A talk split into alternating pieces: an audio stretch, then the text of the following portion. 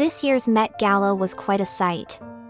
A celebration of fashion and celebrity, oh, what a delight! The event was billed as a tribute to the late German designer. Karl Lagerfeld, a fashion icon in the world, a true reminder. A-listers from all across the globe were invited to this glamorous charity probe. The stars shone bright and the fashion was bold. On the red carpet, each one stood like gold. The theme of the night was camp and kitsch.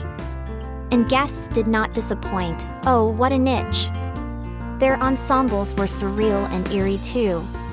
But each one stood out in fashion, they all knew. Lady Gaga stole the show. In her four custom outfits, oh, what a glow!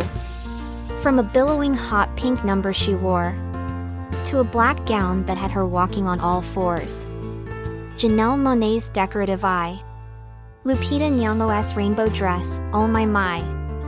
The men were not left behind either. With their fabulous suits, making them fashion's heather. The Met Gala is more than a fashion fundraise. It's a platform that shines light on many causes.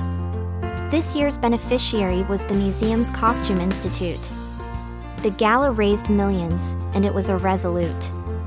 So here's to the fashion of the Met Gala. To the stars and their ensembles, a perfect gala. To Karl Lagerfeld, whose designs were showcased. A truly fitting tribute, oh, what a lavish race.